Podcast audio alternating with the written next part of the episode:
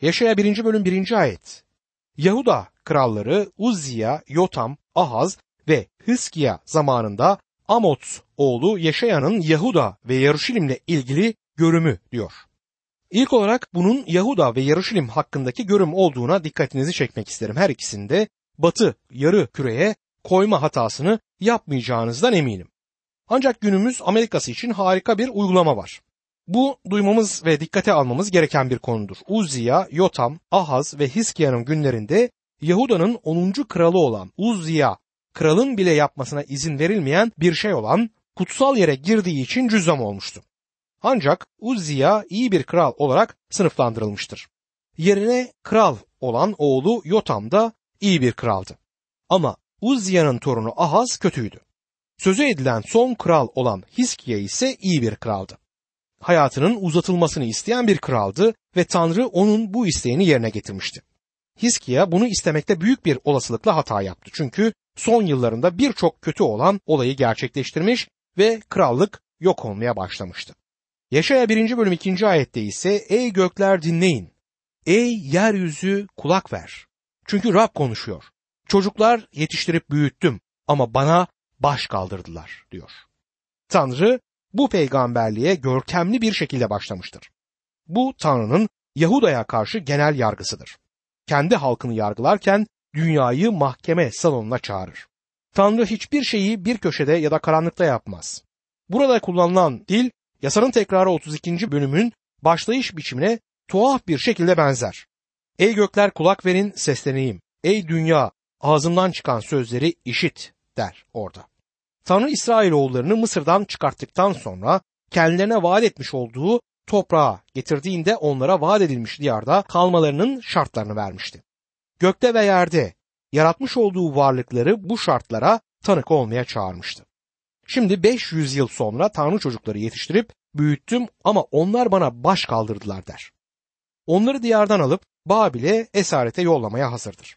Davranışlarında adil ve doğru olduğuna tanıklık etmeleri için gökte ve yerdeki yaratılmış varlıkları çağırır.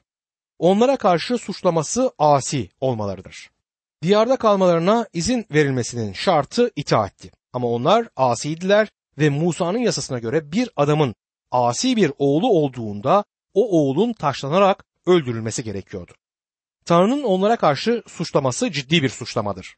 Onun çocukları olarak bu bağlamda Musa'nın yasasına karşı asilik ettiler. Yasanın tekrarı kitabında yola getirilemeyen bir oğul için yasanın tekrarı 21. bölüm 18 ila 21. ayetler arasında şöyle yazar.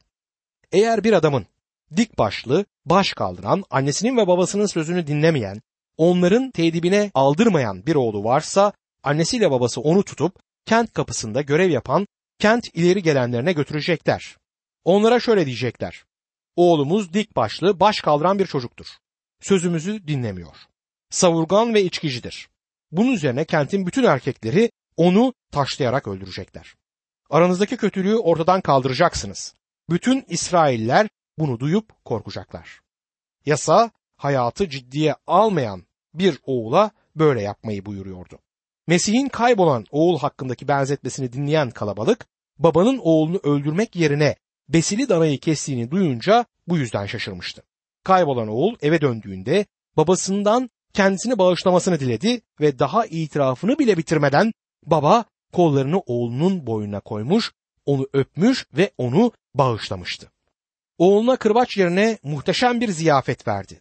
Tanrı adil olmakla kalmaz, aynı zamanda da merhametlidir. Ama bir oğulun asiliği ciddidir. Kutsal kitabın bu konuda söyleyecek pek çok şeyi var.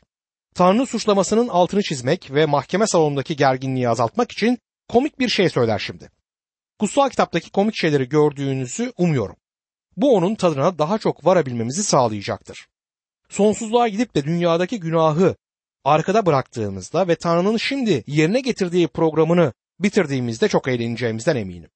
Bence çok güleceğiz ve birçok komik durumun tadını da çıkartacağız. Doğru türden bir mizah anlayışına sahip olmak Mesih inanlarına zarar vermez. Tanrı kutsal kitaba pek çok espriyi koymuştur. Vaizlik yaptığım bir topluluğun üyesi olan bir hanım kutsal kitapta espri bulduğum her seferinde kızardı. Bazı durumlarda kürsüye kadar gelip bana saygısızca davrandığımı söylerdi. Rab'le olmaya gideli epey oldu ve umarım birazcık orada gülüyordur. Çünkü buradayken hiç gülmedi. Yüzü hep asıktı ve dünyada hakkında görecek hiçbir şey bulamadı ve iman yaşamının tadını da Tanrı'nın istediği gibi çıkartmadı. Yaşaya 1. bölüm 3. ayet. Öküz sahibini eşek efendisinin yemliğini bilir. Ama İsrail halkı bu kadarını bile bilmiyor. Halkım anlamıyor diyor. Bu ayet oldukça esprilidir. Örnekte kullanılan iki hayvan pek akıllı olarak tanınmazlar. Ne öküzün ne de uzun kulaklı eşeğin yüksek bir akıl düzeyleri, IQ'leri yoktur. Öküz gibi sözü hala kullanılan bir söz. Bu hayvanlarda bile kendilerini kimin beslediğini bilmeye yetecek kadar akıl var. Gençken kaldığım yerin karşısında boş bir arsa vardı. Pantolonunda birçok yama olan çok fakir bir adam küçük eşeğini otlatmak için buraya getirirdi. Eşek otlarken mahalledeki küçük çocukların birçoğu da ona binerdi. Ara sıra büyüklerden birinin bile eşeğe bindiği olmuştu. Ben ona bindiğimde benimle ya da başka birisiyle ilgilenmezdi. Akşamüstü eşeğin sahibi onu almaya gelirdi. O geldiğinde eşeğin uzun kulakları dikilirdi. Sahibini tanıyordu bu eşek. Akşamleyin kendisini kimin besleyeceğini de biliyordu. Günümüzde bir sürü insan bunun tam tersine bütün ihtiyaçlarının Tanrı'dan karşılandığını bilecek kadar akla sahip değil. Tanrı'nın onları beslediğini bilmiyorlar. Onun var olduğunu bile kabul etmiyorlar. Artık Tanrı'ya ihtiyacı olmadığını söyleyen bu garip nesil hakkında ilginç bir yorum değil mi? Hristiyan bir ailede yetiştirilen bir çocuk hakkında anlatılan bir hikaye var. İlk defa evden dışarı başka bir yere davet edilmişti. Gideceği yer sadece kapı komşularında akşam yemeği olduğu halde bunu heyecanla bekliyordu ve saat 5'te giyinmiş olarak hazırdı. Sofraya oturma zamanı geldiğinde yemekten önce şükran duası etmeye alışık olan küçük başını önüne eğip gözlerini kapadı. Akşam yemeğe davet edildiği evdekiler Hristiyan değildiler ve hemen yemeğe başladılar. Çocuk hiçbir şeyi kaçırmak istemediği için gözlerini açıp etrafına baktı. Biraz ustanmıştı ama fazla bir çekingenliği olmadığından siz yemek yemeden önce şükran duası etmez misiniz diye sordu. Bunun üzerine utanma sırası ev sahibine gelmişti ama etmediklerini de itiraf ettiler. Çocuk birkaç dakika düşündükten sonra tıpkı benim köpeğim gibisiniz. Yemeğinize hemen başlıyorsunuz dedi. Günümüzde birçok insan böyledir. Birçok insan ne yazık ki tıpkı hayvanlar gibi Tanrı'ya şükretmeden yaşıyor. Tanrı öküz kendi sahibini, eşek de efendisinin yemliğini bilir demiştir. Günümüzde insanların hayvanlardan geldiğini duyuyoruz. Bunu kim söylüyor? İnsan hayvanlar gibi davranmaktadır. Hatta bazı hayvanların insanlardan daha zeki oldukları söylenebilir. İnsanların hayvanlardan gelmesi yerine belki de hayvanlar insanlardan gelmiştir. Belki evrim geçirerek insandan daha iyi bir şey olmuşlardır. Kim bilir? İnsan çok alçak bir düzeye indi. Sanıyorum Rabbin mahkemesinde Rabbin söyleyecekleri bunu ortaya koyacaktır. Yaşaya 1. bölüm 4. ayette Tanrı suçlamasını sürdürür ve şöyle der. Günahlı ulusun, suç yüklü halkın, kötülük yapan soyun, baştan çıkmış çocukların vay haline. Rabbi terk ettiler. İsrail'in kutsalını hor gördüler. Ona sırt çevirdiler. Tanrı'yı bütün dünyanın ve kendi halkı İsrail'in yargıcı olarak burada görmekteyiz. Tanrı'yı yargıç olarak düşünmek biraz tuhaf gibi görünebilir çünkü günümüzde dünyanın düşüncesine göre Tanrı yargı tahtından kaldırılmıştır. Otoritesi bir anlamda elinden alınmıştır. Krala ait ayrıcalıkları kendisinden alınmış ve evrenin ahlaksal yöneticisi olarak onu etkisiz bir halde göstermeye çalışmaktadırlar. Dünyadan kovulmuştur. Tanrı bir bulutun kenarında oturmakta olan ve omuzlarının üzerinde bir gök kuşağı olan uzun, bıyıklı, dişsiz bir ihtiyar olarak düşünülüyor. Basit, burak ve duygusaldır. Bal ve gözyaşları damlayan, yumuşak, yapışkan sevgiye boğulmuştur öyle mi? Bir sineği öldürecek ya da bir üzümü ezecek kadar bile cesareti yoktur. Onun için en uygun yer şöminenin yanıdır. Burada oturup örgü örebilir ya da tığ işi yapabilir. Dünyanın Tanrı hakkındaki ilk düşüncesi budur. Ama kutsal kitap Tanrı'yı böyle tanıtmıyor.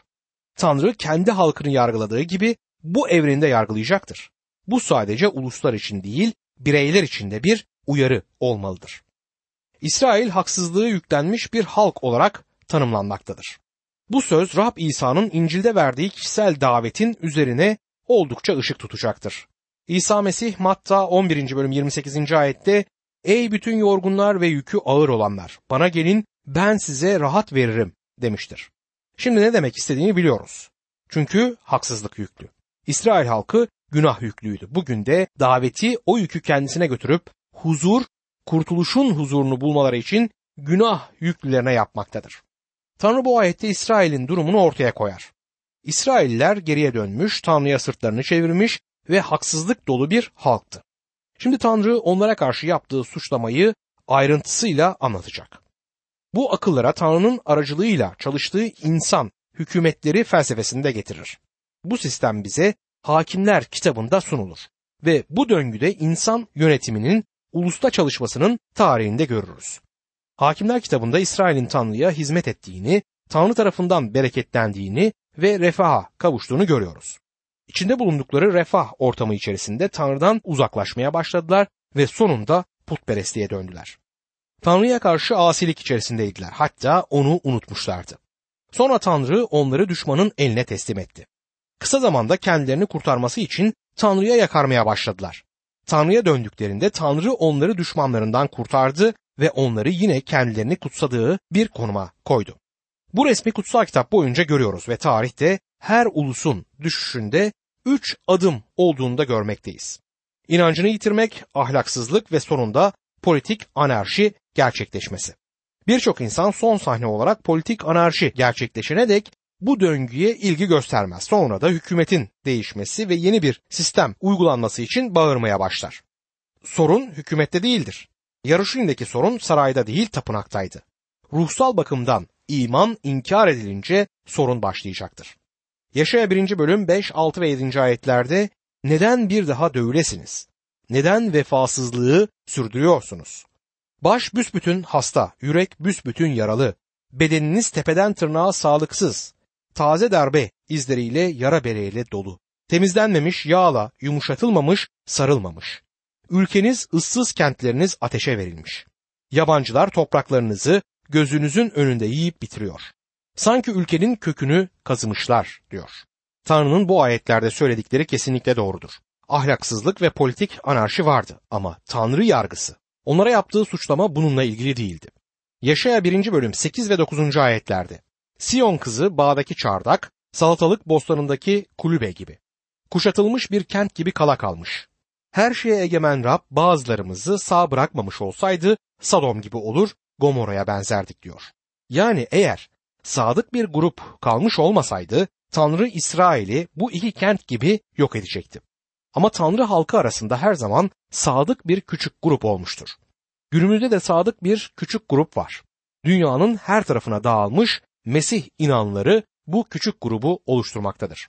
Yaşaya 1. bölüm 10. ayette Ey Sodom yöneticileri! Rabbin söylediklerini dinleyin. Ey Gomora halkı! Tanrımızın yasasına kulak verin diyor. Tanrı şimdi artık heceliyor. Sorun ruhsal bakımdan geri dönmeleriydi. Yaşaya 1. bölüm 11. ayette kurbanlarınızın sayısı çokmuş. Bana ne diyor Rab? Yakmalık koç sunularına, besile hayvanların yağına doydum.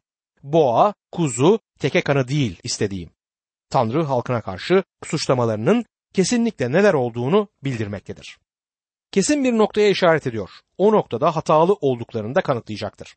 Parmağını Yahuda'daki en kötü şeyin değil en iyi şeyin üzerine işaret eder. Çok yanlış olan şeyin ne olduğunu gösterir. İsrail'in Tanrı tarafından verilmiş bir dini ve Tanrı'nın verdiği ölçülerle yapılan tapınağında Tanrı'nın atadığı törensel bir sistemi bulunmaktaydı. Ancak en iyisini temsil eden şey hakkında hatalıydılar. Yasanın harfine göre kurbanlar getiriyorlar ve törenleri uyguluyorlardı ama yürekleri Tanrı'ya karşı asilik içerisindeydi. Dinleri hareketlerini etkilemiyordu. Aslında bu günümüz inanlarında sorundur. Birçoğumuz Tanrı yolundaymış gibi görünüp bu yolun gücünü inkar edenler olduğumuz bir yere geldik. Yaşaya 1. bölüm 12 ve 13. ayetlerde huzuruma geldiğinizde avlularımı çiğnemenizi mi istedim sizden? Anlamsız sunular getirmeyin artık. Buhurdan iğreniyorum. Kötülük dolu törenlere, yeni ay, şabat günü kutlamalarına ve düzenlediğiniz toplantılara dayanamıyorum.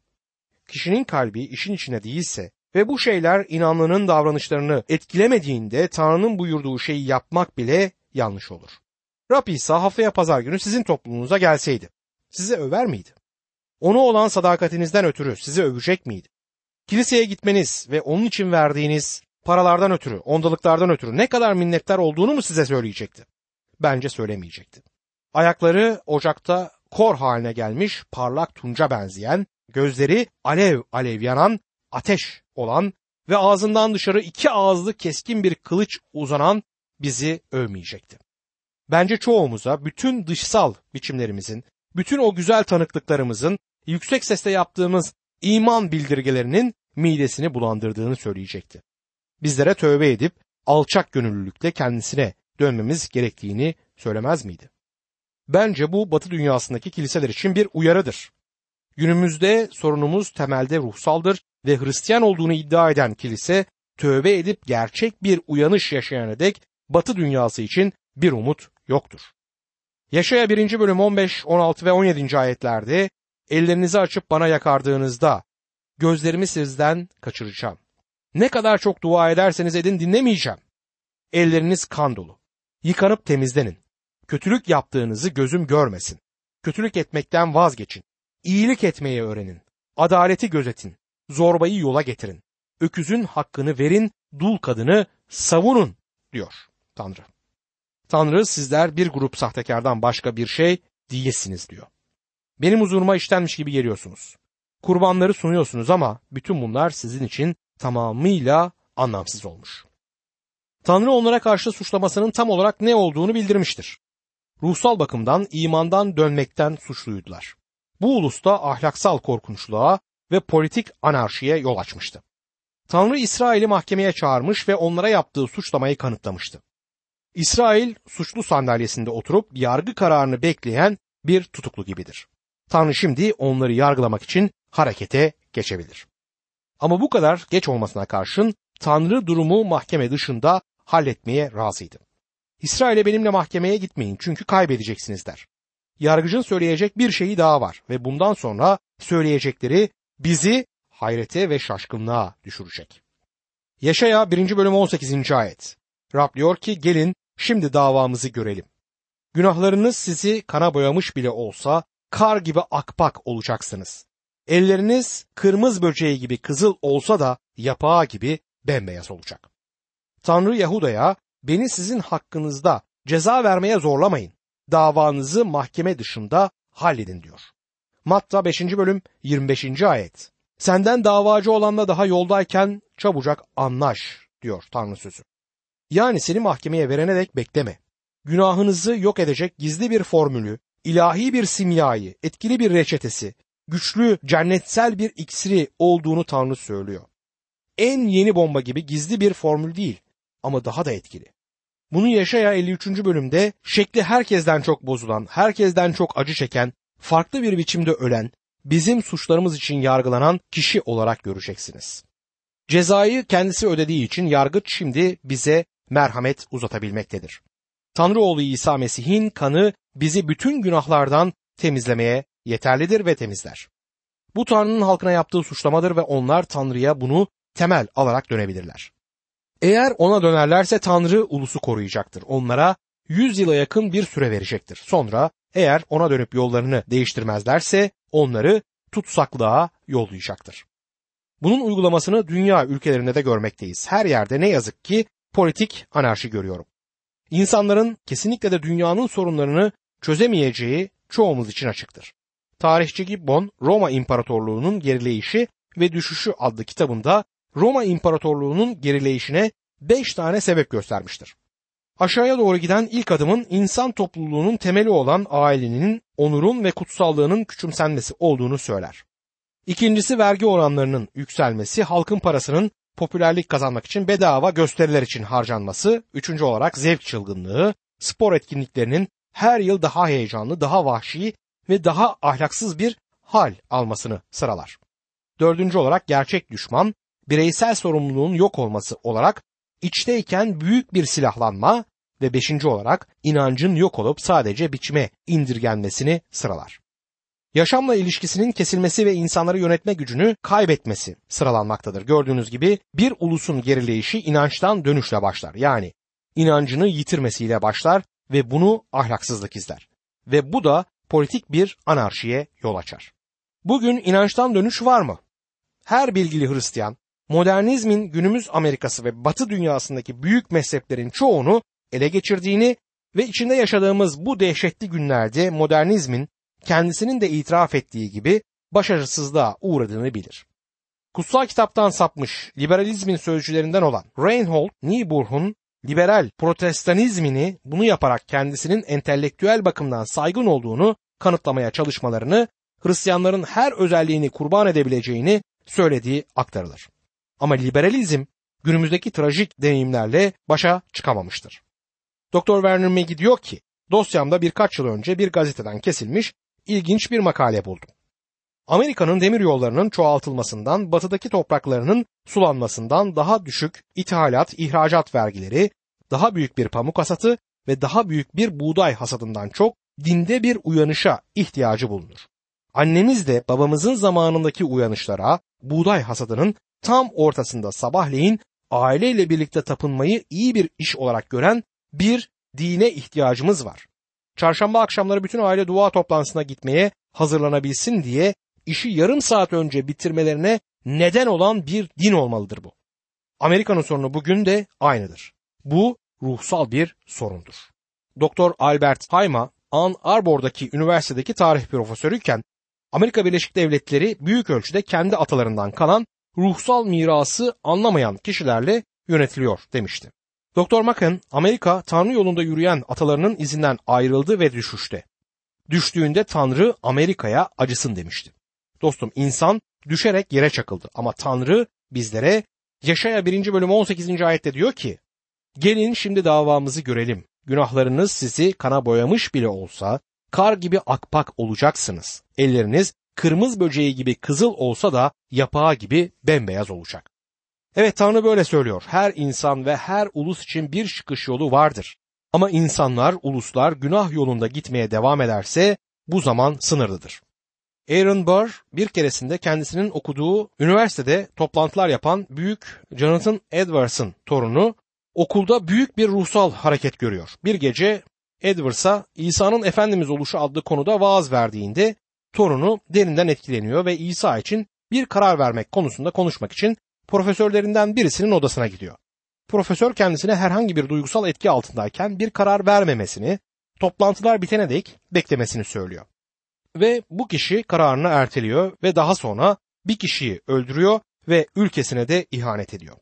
İhtiyar bir adam olduğunda genç bir adam yanına gelip bir arkadaşımla tanışmanızı istiyorum diyor. Genç adam İsa Mesih ruhumun kurtarıcısı diye yanıt veriyor. Ve bu kişi anında soğuk ter damlacıklarıyla 60 yıl önce Tanrı'ya eğer beni rahat bırakırsa benim de onu rahat bırakacağımı söylemiştim. Ve Tanrı sözünü tuttu diyor. Her ülke için bir çıkış yolu vardır. Ve sizin için de benim için de bir çıkış yolu var. Felsefe düşünerek çıkış yolunu bulun diyor. Müsamaha gösteren rahat düşünce içki içerek çıkın der. Politika para harcayarak çıkın derken bilim çıkış yolunu keşfedin diyor. Endüstri çalışın, komünizm grev yapın, faşizm blöf yaparak çıkın diyor. Militarizm savaşın, kutsal kitap dua ederek çıkın diyor. Ama İsa Mesih çıkış yolu benim diyor.